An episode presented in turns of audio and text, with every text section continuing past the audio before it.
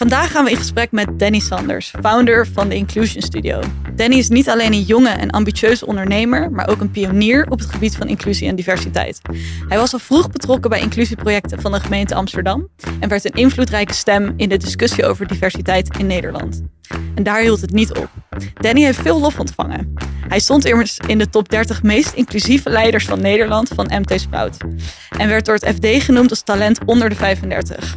Onder andere door het uitvoeren van de grondigste scan op het gebied van inclusie op de werkvloer in Nederland. Je kan dus wel zeggen dat hij een echte expert is op het gebied van inclusie en diversiteit.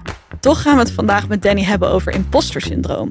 Want ondanks al die lof worstelt hij daar, net zoals nou ja, veel van ons, Ja, ik in check. ieder geval wel, ook mee.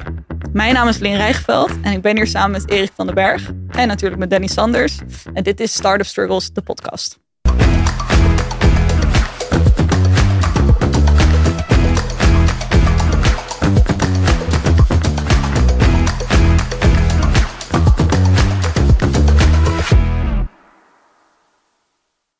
Cool. Welkom Dan. Ja, thanks. Hoe hard eh, kijkt eh, het imposter syndroom eh, in naar zo'n intro met al die erkenningen? Ja, dan, dan denk je echt ineens van, oh, de verwachtingen die worden nu eh, opgeschroefd. Dus eh, dan denk ik, ja, hoe ga ik daaraan voldoen? Wat ga ik eigenlijk nu in hemelsnaam zeggen? Wie ben ik ook alweer? ja, waarom zit ik hier? Is het wel terecht? Hebben anderen dat dan niet? Wat, waarom ik wel? Ja, Hij kijkt behoorlijk in dus. Is er dus. Ja, ja, dat wel. Ehm, misschien even voor, eh, voordat we gaan beginnen. eh, Lin, wat, wat is dat? Oeh, de definitie van imposter syndroom. Ehm, nou ja, eigenlijk is imposter syndroom iets wat je overkomt als jij er ja, eigenlijk in gelooft dat de mensen om je heen doorgaan hebben dat jij niet zo deskundig bent als dat je zou moeten zijn. Dus als jij ergens expert in bent, als je dan imposter syndroom hebt, dan geloof je dus dat je dat niet bent. Een fraudeur. Ja, Ja. een fraudeur. En dat mensen daarachter gaan komen. En wat je wel vaak ziet is dat mensen met imposter syndroom juist gewoon echt oprecht expert zijn op verschillende vlakken. Alleen ze geloven er niet in. Ja, dus het is Ja. onterecht. Het is onterecht. Het is vaak onterecht, ja. Ja. Ja. Zoals heel veel onzekerheid. In hoeverre is het bij jou onterecht? Oh, dat, weet ik. Ik, ik. ik zat eigenlijk al direct naar van hoe klinkt dat dan in mijn hoofd? En dat klinkt dan als, oh, ze hebben me door. Ja. Ik val door de mand. Eh, eh, de- de- zo, zo klinkt dat dan bij mij inderdaad. Dus eh, ja, en misschien is ook wel gewoon... ehm, ja, hoe, hoe meer je ja, expert... Dat vond ik ook trouwens zo raar. Want dan, dan ga je een eigen bedrijf oprichten. Dan moet je dus op een gegeven moment zelf besluiten...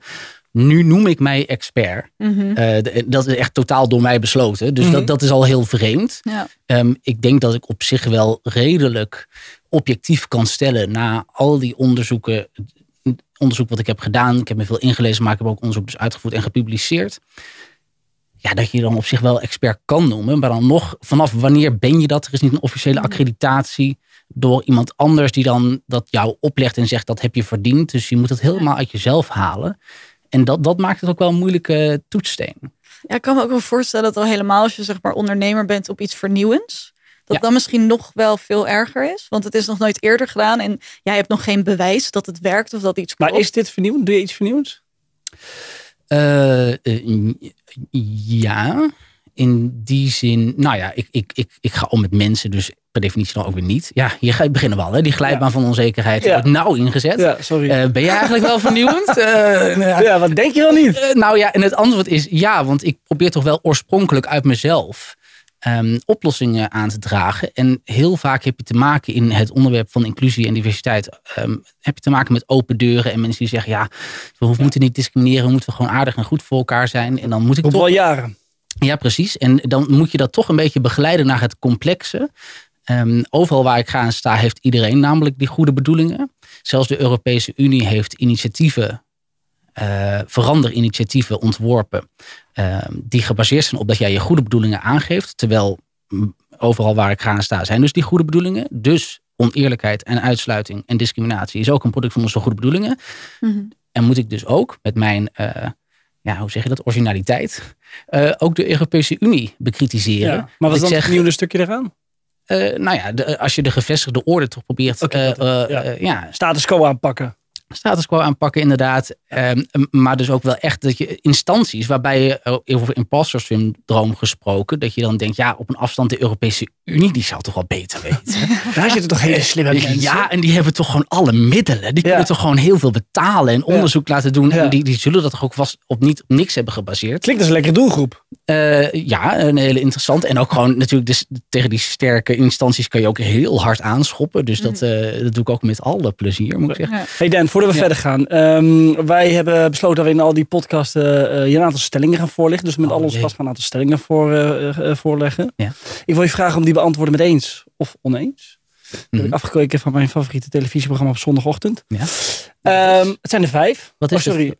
Ik zit elke zondagochtend stiekem Goedemorgen Eredivisie te kijken. Oh, ik wou zeggen, welke, welk Ja, programma ja. heb jij het over? Ja, Maar ik- de ik kom uit- Eredivisie. Ik kom uit Ede, hè, dus op zondagochtend doen mensen ook hele andere dingen. Eens. Hey, eens of oneens? Eh imposter syndrome is een luxe probleem. Eens. Eens. Echte ondernemers hebben helemaal geen last van het imposter syndroom. Oneens. Duidelijk. Ik heb imposter syndroom nodig om te groeien als ondernemer. Oneens. Ik zou prima zonder kunnen. Het is helemaal niet Gaan we, prettig. gaan we zo op, eh, Altijd door. Gaan we zo op door. Dysfunctioneel. Eh, mensen kunnen nog wat van mij leren als het gaat om je imposter syndroom te overwinnen. Ja, eens. Eens. En de laatste, mijn nominatie als talent onder 35 van het FD heeft bijgedragen aan mijn imposter syndroom. Eh, oneens. Oneens, waarom?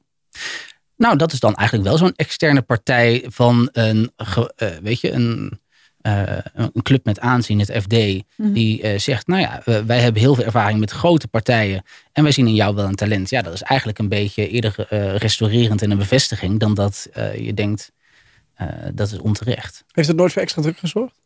Nou, in zo'n introductie eh, van eh, ja, hier eh, is Diversity Danny Rappapapa en eh, die, ja, die, die, die, die weet alles. Die heeft alle finale antwoorden. Dan denk ik ook, ja, dan moet ik ze niet eens gaan opratelen. En ja, goed, dat kan ook wel een beetje blokkeren in het onderwerp van eh imposter syndrome. Ja, want ik kan me juist ook wel voorstellen dat zo'n nominatie het juist erger maakt. Van je wordt soort van extra op een voetstuk gezet als een deskundige en als een expert. Ja. Alsof je dat ook meer moet zijn. Nou, dit, dit zal per onderwerp verschillen. hoor. Dus ik zit in het onderwerp van het subjectieve, Hm. gevoelens.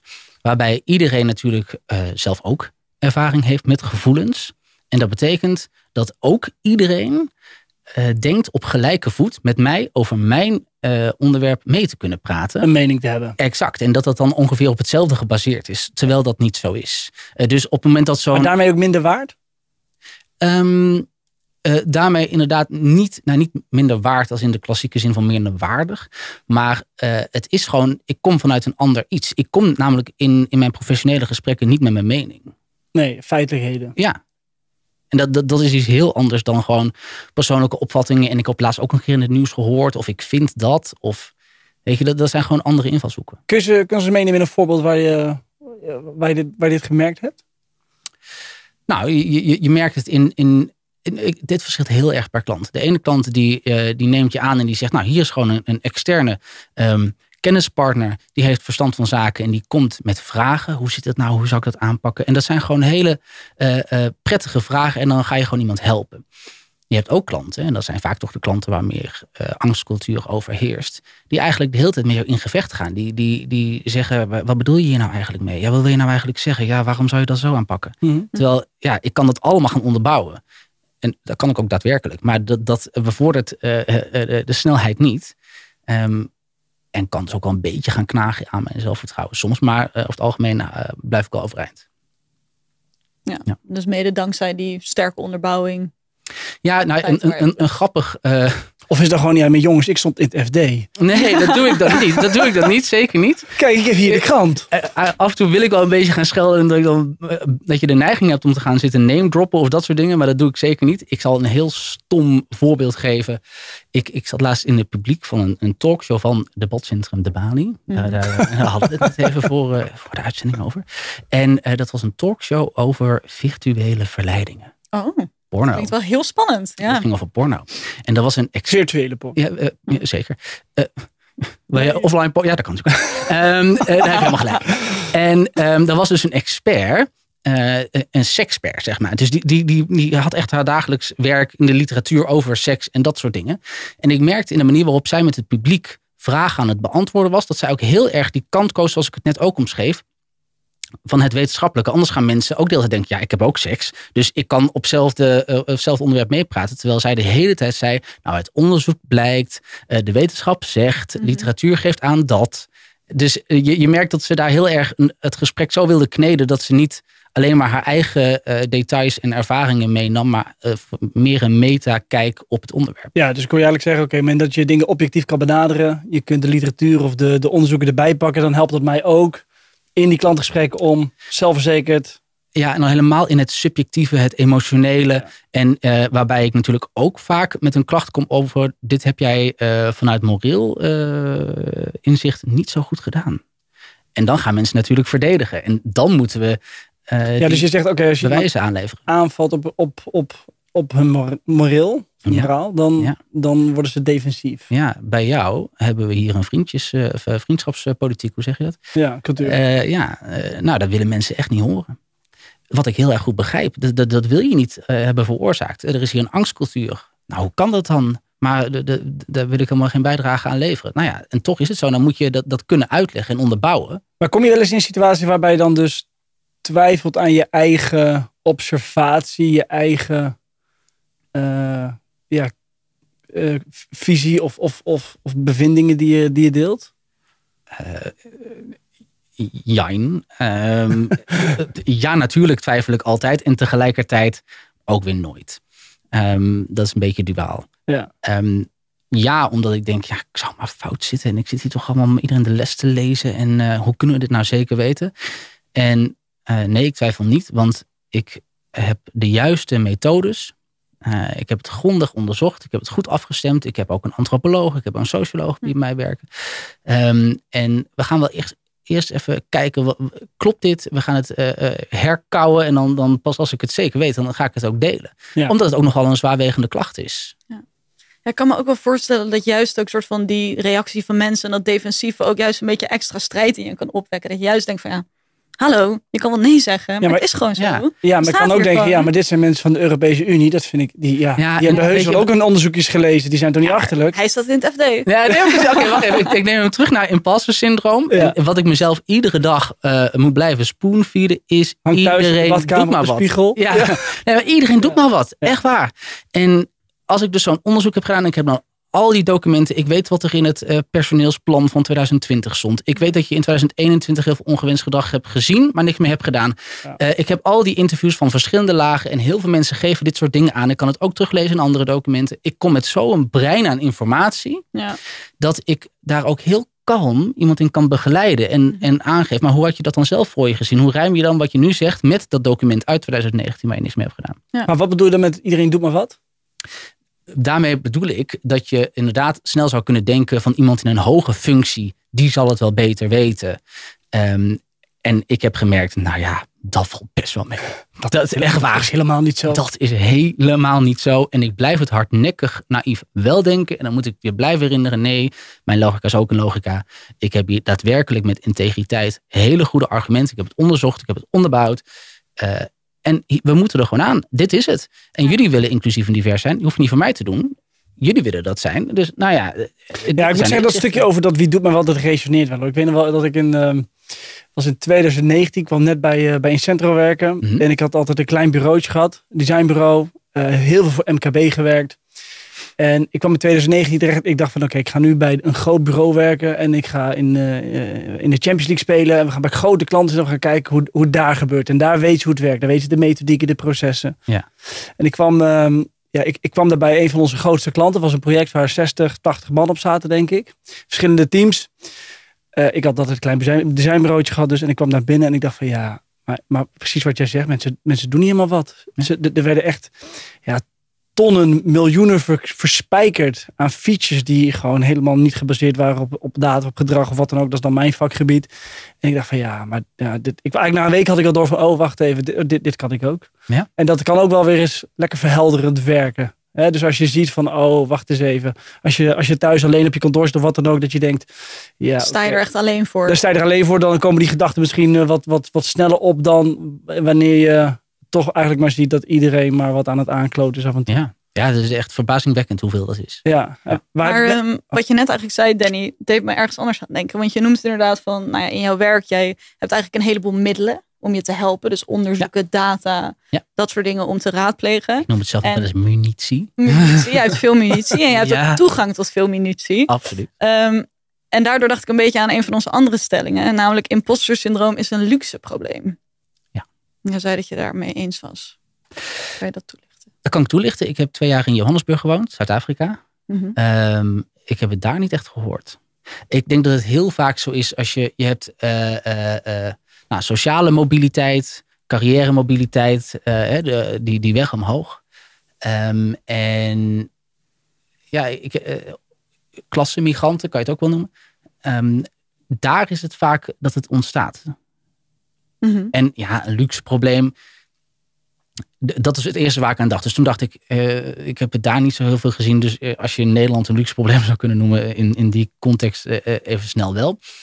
Maar natuurlijk, het is eh, nog steeds vaak iets wat ontstaat uit vervelende ervaringen en uit een beetje angst natuurlijk. Mhm. Dus dat is geen luxe probleem. Maar je ziet wel een trend dat naarmate je voordelen toenemen en eigenlijk de val Ja. van eh, waar je vandaan kwam Ja. dieper en dieper wordt, dat die aantrekkingskracht naar die diepte van vroeger, dat Mhm. dat, ehm, ja, is dat een luxe probleem? Nou, misschien ook weer niet, maar Ja, je moet natuurlijk ook wel de mogelijkheid krijgen om in een positie te zijn waar jij als, ja, Als jij je eh, druk kan maken over- gezien wordt. Ja, Ja. precies. Als je je druk kan maken over, oké, misschien word ik wel niet als expert gezien, dan heb je waarschijnlijk niet zo heel veel andere problemen.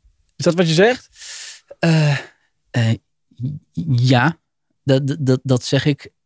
Eh, en als ik het dan gewoon op totaal op mezelf eh, baseer, eh, is het natuurlijk niet een luxe omdat ik met name probeer op te komen voor die die in benadeelde posities zitten. Ja. En dat is toch belangrijk genoeg. Dus dat doe ik ook nog wel een Maar gedeelte zie je, het, zie je het, zeg maar, jij bent natuurlijk bezig met inclusie. Ja. Ehm, je, je krijgt veel te maken, je hebt veel kennis van hoe wordt er gekeken naar minderheden en dat soort zaken. Zie je dat het daar minder vaak voorkomt? Ehm, nee, die, die, die, je ziet, die, die hebben vaak ook te maken met heel veel eh, sociale mobiliteit. Ehm, dus eh, Sociale mobiliteit? Ja, dus, dus dat je groeit op de sociale ladder of dat je in je carrière groeit. Ehm, dus, eh, en ik denk dat het dan voor mensen die oorspronkelijk ook nog eens vaak in een benadeelde doelgroep zitten, of gemarginaliseerd zijn, dat die dat wel extra ook nog hebben hoor. Juist extra dus. Jawel, Ja. die komen natuurlijk ook weer van veel verder. Ja. Dus dan Ja. wordt die diepte van, eh, die, eh, ja, ook weer meer zichtbaar.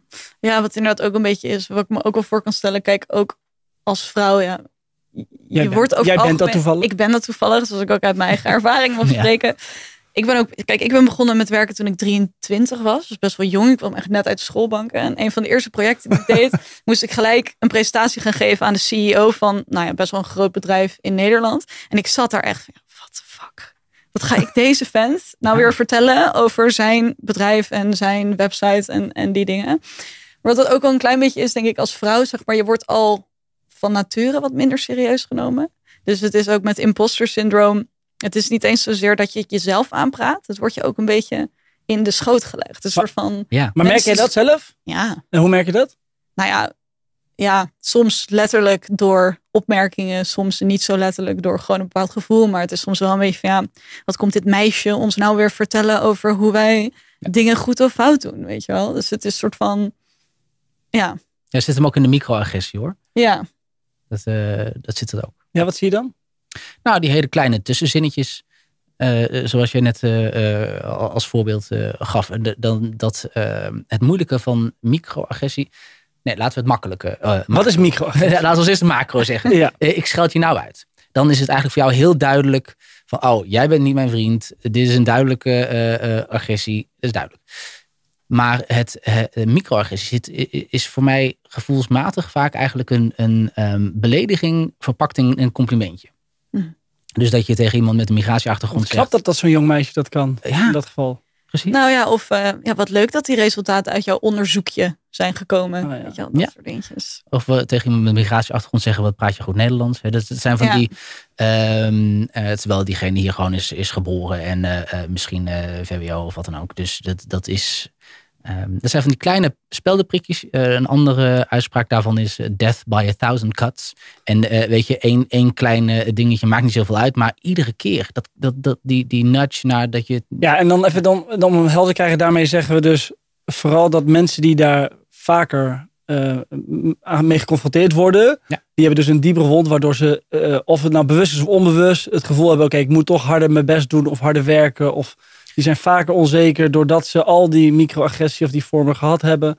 En daardoor hetzelfde gevoel hebben, oké, ik, ik, ik, moet beter mijn best doen om als expert gezien te kunnen worden. Ja, of stel dat je een, een CEO bent met een, uh, met een hoofddoekje en je wordt aangesproken als de assistant. Ja. Mhm. Daar gaan mensen dan vanuit. Weet je, het zijn allemaal van die hele kleine dingetjes uh, de hele tijd dag in dag uit. Die, uh, dan is het ook nog eens microagressie dat de omgeving het misschien niet eens doorheeft.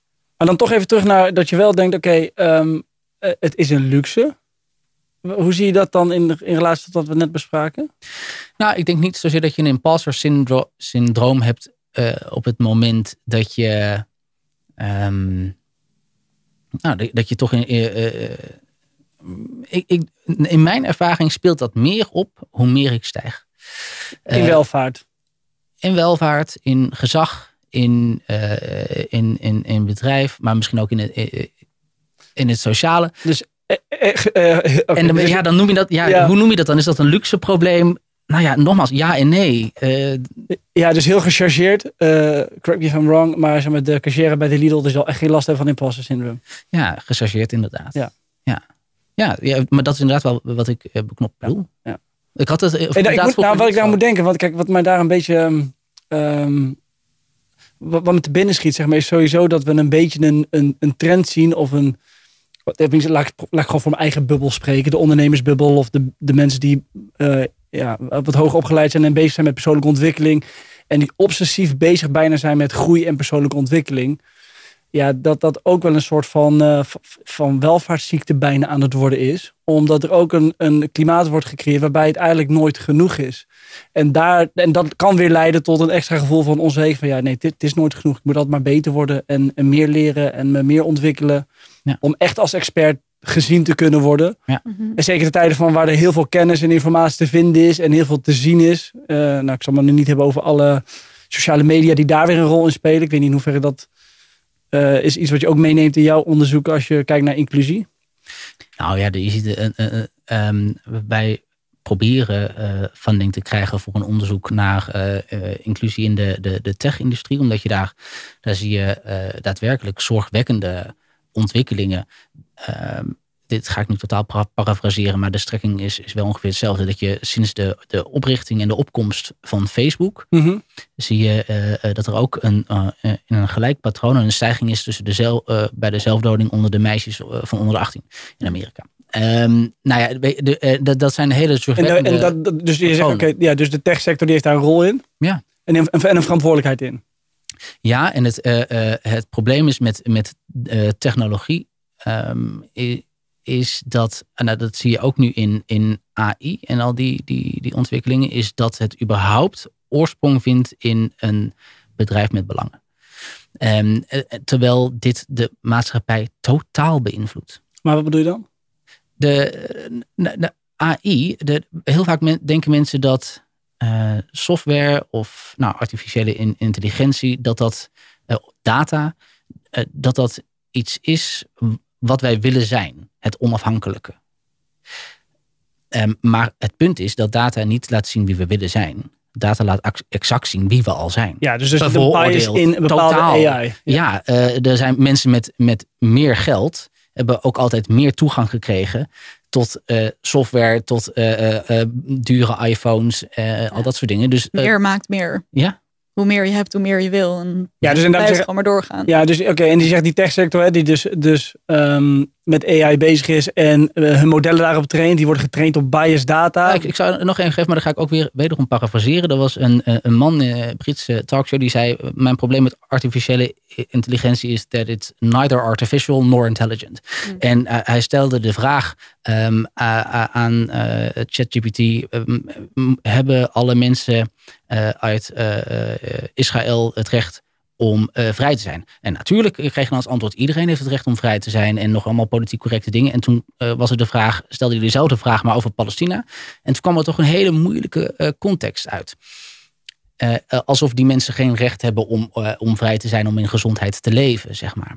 Dus dat, daarin zie je al dat het helemaal niet zo neutraal is. En dat het gewoon gevoed is met alle nieuwsberichten, alle de, Ja. ja. kennis die, die er al reeds over bestaat. Ja, en daar, daar ageer je tegen. Dat, ga je doen. Dat- Nou, het idee dat dat dus een neutrale, ja, moreel neutrale bron is, dat, dat is niet zo. Nee, maar je gaf net af, we zijn bezig met, met funding om daar iets tegen te doen. eh, om dat goed in kaart te brengen, waardoor er ook nieuwe keuzes gemaakt kunnen worden. En het moeilijke van wet en regelgeving is, want nu is dat dus overgelaten aan de markt, die dus een belang erbij hebben, financiële Ja. eh, winsten. Ehm, dat is niet hetzelfde als jouw beste belangen eh, behartigen. Eh, Kijk maar wat er net gebeurt bij ChatGPT, waar Ja. Altveld eh, de deur wordt gewezen. Ja, Weer terug is. En weer terug is. Ehm, dus, maar de, de, en het is ook niet democratisch. Het is niet dat jullie inspraak hebben in de bestuurlijke besluitvorming die daar is. Dat is gewoon aan de grillen van een Elon Musk bij, bij X. Ehm, eh, Voormalig Twitter. ja, precies. Ik moet mezelf ook heel erg uh, ertoe zetten om X te zeggen. Het is niet, het is echt Nee, ongelooflijk. maar, maar de- dat, dat heeft invloed. En je ziet ook dat bijvoorbeeld eh, eh, Rusland in de Amerikaanse verkiezingen daar allemaal dingen in heeft gemanipuleerd en zo. Ehm, maar de, eh, met alle ontwikkelingen zie je altijd dat de, de, de wet en regelgeving daarin achterloopt. Een klein ander voorbeeld is, de, in Nederland heb je die zonne, ehm, zonnebrand wou ik zeggen, zonnepanelen auto. Star, nog iets? Starlink? Link? Nou, Lightyear. nee, Lightyear, ja. Lightyear. Ehm, Lightyear. En eh, die hebben er dus last van dat er in de wet en regelgeving staan dat je ruitenwissers moet hebben op je auto. Ehm, terwijl hij gewoon zegt, ja, wij, wij willen totaal conformeren aan dat je als het regent eh, een systeem moet hebben waardoor je ruiten schoon blijven. Dat kunnen wij, maar we hebben daar een innovatie voor die iets anders is dan zo'n Maar ruitenwisser. wat is je punt? Oh ja. Dat de wet en regelgeving achterloopt. op Ja, altijd. altijd. Ja, altijd. Ja. Ja. En daar ga je wat tegen doen. Eh, nou ja, ik Dus je hoop gaat eerst de Europese Unie aanpakken. En Ja, lachen. daarna alle Ja. tech-giganten. Eh, ja, Nee, ik zou niet zeggen dat je last hebt van imposter syndroom. Nee. Eh, ja, nou ja, nou ja, dus toch, dus toch. Ja, Hebben echt ondernemers dan toch geen last van imposter syndroom? nou, maar waar- waarom, waarom, maar denk je dat het dan niet zo is als ik dit soort ambities uitspreek? Nee, nee, zeg maar dat wat zo is. Want wat je zegt klopt. Te- Tech-giganten hebben daar zeg maar, een verantwoordelijkheid. Die nemen ze lang nou, die nemen ze niet.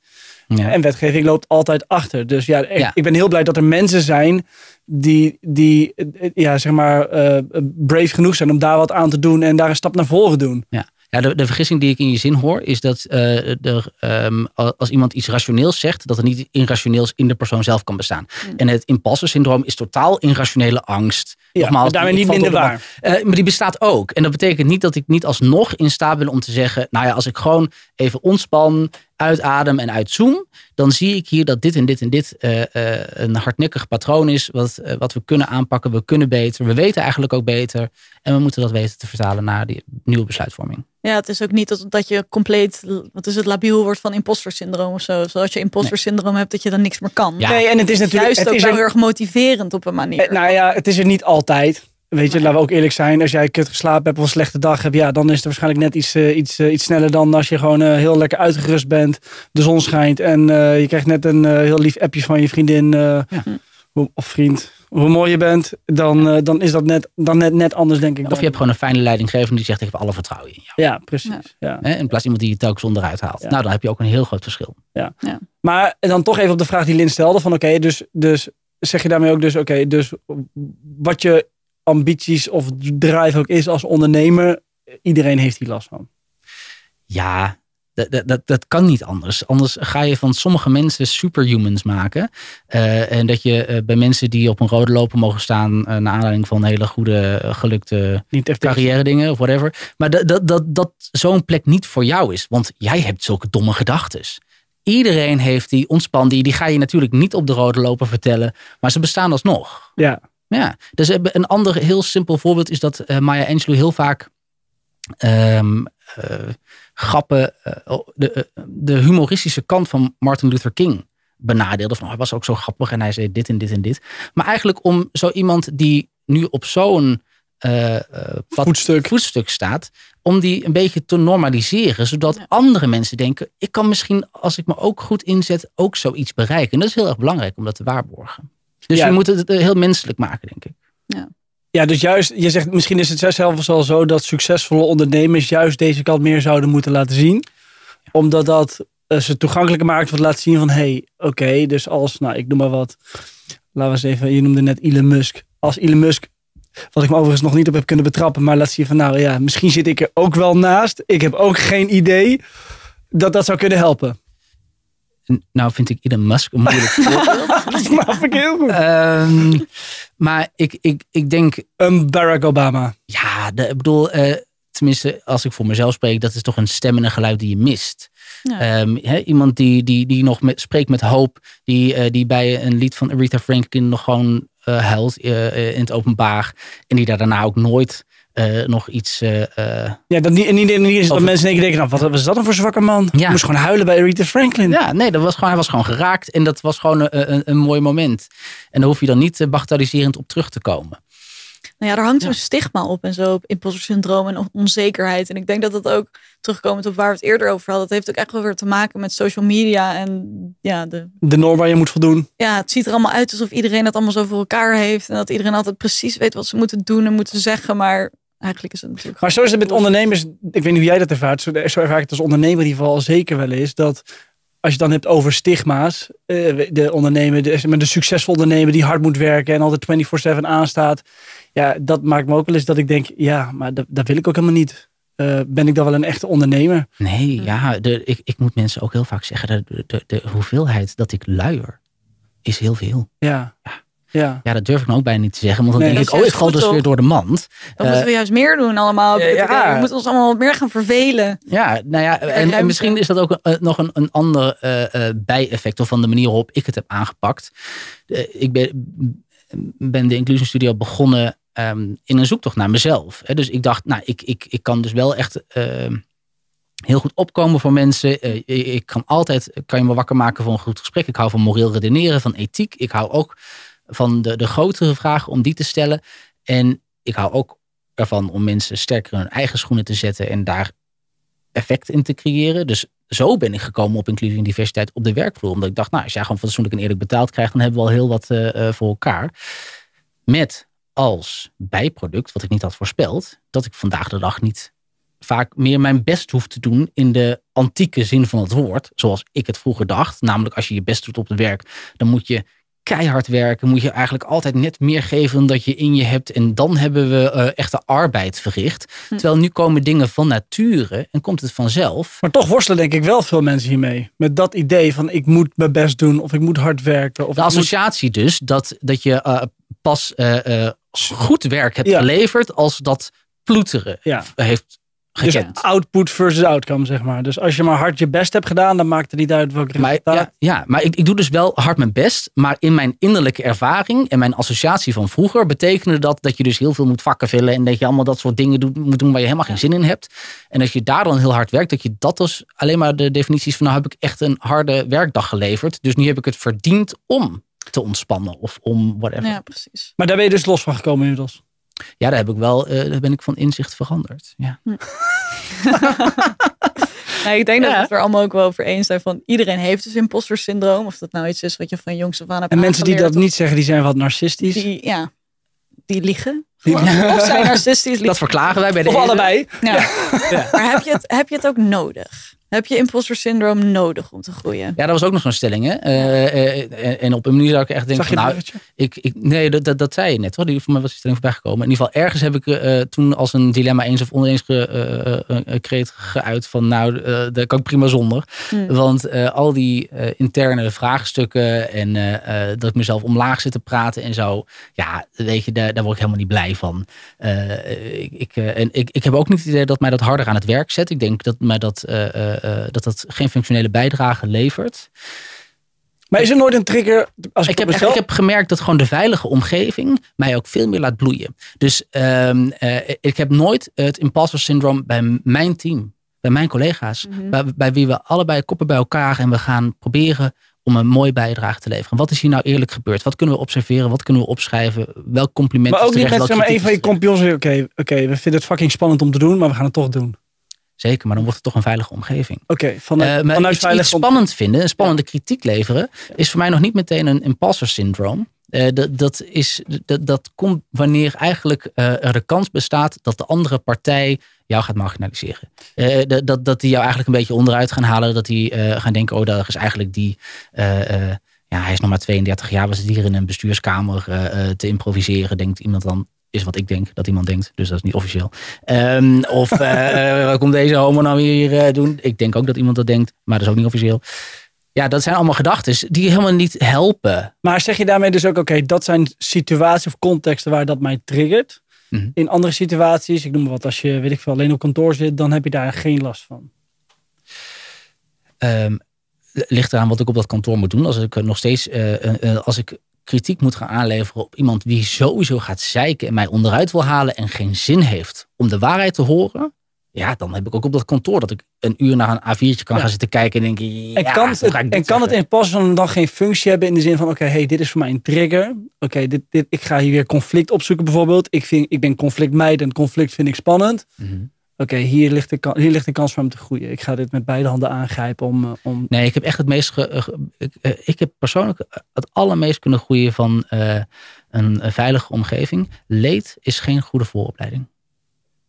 Ik, ik, ik ga, dat gaat ook niet mijn docent zijn. Dat ga ik gewoon niet doen. Ik, ik, ik leer van de goede mensen om me heen. Die me goede eh, adviezen geven. Die ook gewoon zeggen: Oh, dit was echt te slecht voor elkaar, show. Ja. Nou ja, dan is dat het. Dan zeggen we dat ook. Maar dat, dat creëert niet bij mij een imposter syndroom. Mooi. En over leren gesproken, eh, kunnen we gelijk door naar de Ja, laatste ja. stelling van vandaag. En dat is namelijk, mensen kunnen nog wat van mij leren als het gaat om je imposter syndroom overwinnen. Nou, ik denk dat je volgens mij heb je al een heleboel gave hints en tips gedropt gedurende het gesprek. Ja. Maar wat zijn nou, nou ja, laten we zeggen, wat is jouw beste tip? Wat is jouw beste ervaring om dit te overwinnen?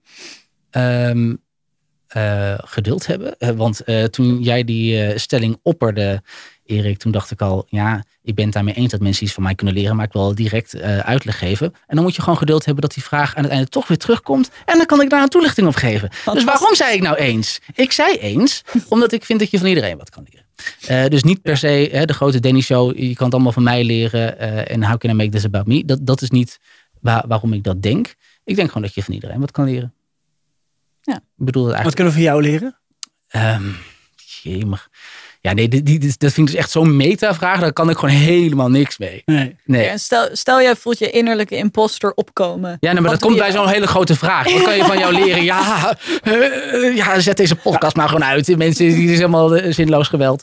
Ja, dat- dat is wat er dan eh, gebeurt. Maar Je je- kop in zand steken, dat kunnen we leren. dat kan ook. Lekker. Dat heb ik ook vaak genoeg gedaan. Doomscrollen, toch in die algoritmes duiken. Afleiding zoeken. Ja, We doen het allemaal. Ja, Ja. precies. Dus dat, dat, dat, eh, dat kan je van mij leren. Ik weet niet of je daar zin in hebt. Ehm, nou ja, wat, wat, ik zelf, eh, wat ik zelf heb geleerd en wat misschien een les van een ander kan zijn, is dat voor een ander kan zijn, is dat ik ehm, in dus eh, in mijn bedrijf was gewoon uiteindelijk eh, in de totstandkoming daarvan een zoektocht naar mezelf. Mhm. Wat vind ik leuk? Ehm, ik kan echt iets oplossen. Ik, ik, ik kom met eerlijke onderzoeken. Ehm, weet je, ik, kom ook met verstand en ik probeer het eh, een goede bijdrage te leveren. En dat uiteindelijk de zoektocht naar wie ik ben, ehm, dat dat tot nu toe mijn eh, grootste succes is geweest. En dat mensen daarop zitten te wachten. Nou, dat is wel de mooiste uitkomst. Dus ga op zoek naar jezelf. Ja, that's it. En, en, en op het moment, ik, ik, ik was een keer, ik ben ook vrijwillig eh, mentor bij een ROC. En voor ondernemen in Amsterdam. En toen zei ik ook tegen een van de leerlingen die vroeg van ja, eh, over eh, een eh, vergelijkingsonderzoek. Wat ze dan allemaal moeten doen van hun docenten. Toen zei ik nou, ik ga je zeggen waar de leraren hier helemaal niet op zitten te wachten. Maar ik heb helemaal geen vergelijkingsonderzoek gedaan. Ik heb gewoon vooral gedacht van nou ja, je bent zelf uniek, net als iedereen. Hè? Dus dat is meteen alweer zo'n zin die zichzelf tegenspreekt. Ja. Ehm, maar op het moment dat je een bedrijf opricht en je blijft dicht bij jezelf, dan is dat eigenlijk per definitie kan je niet anders dan een uniek bedrijf Ja, eh, oprichten. Mooi. mooi.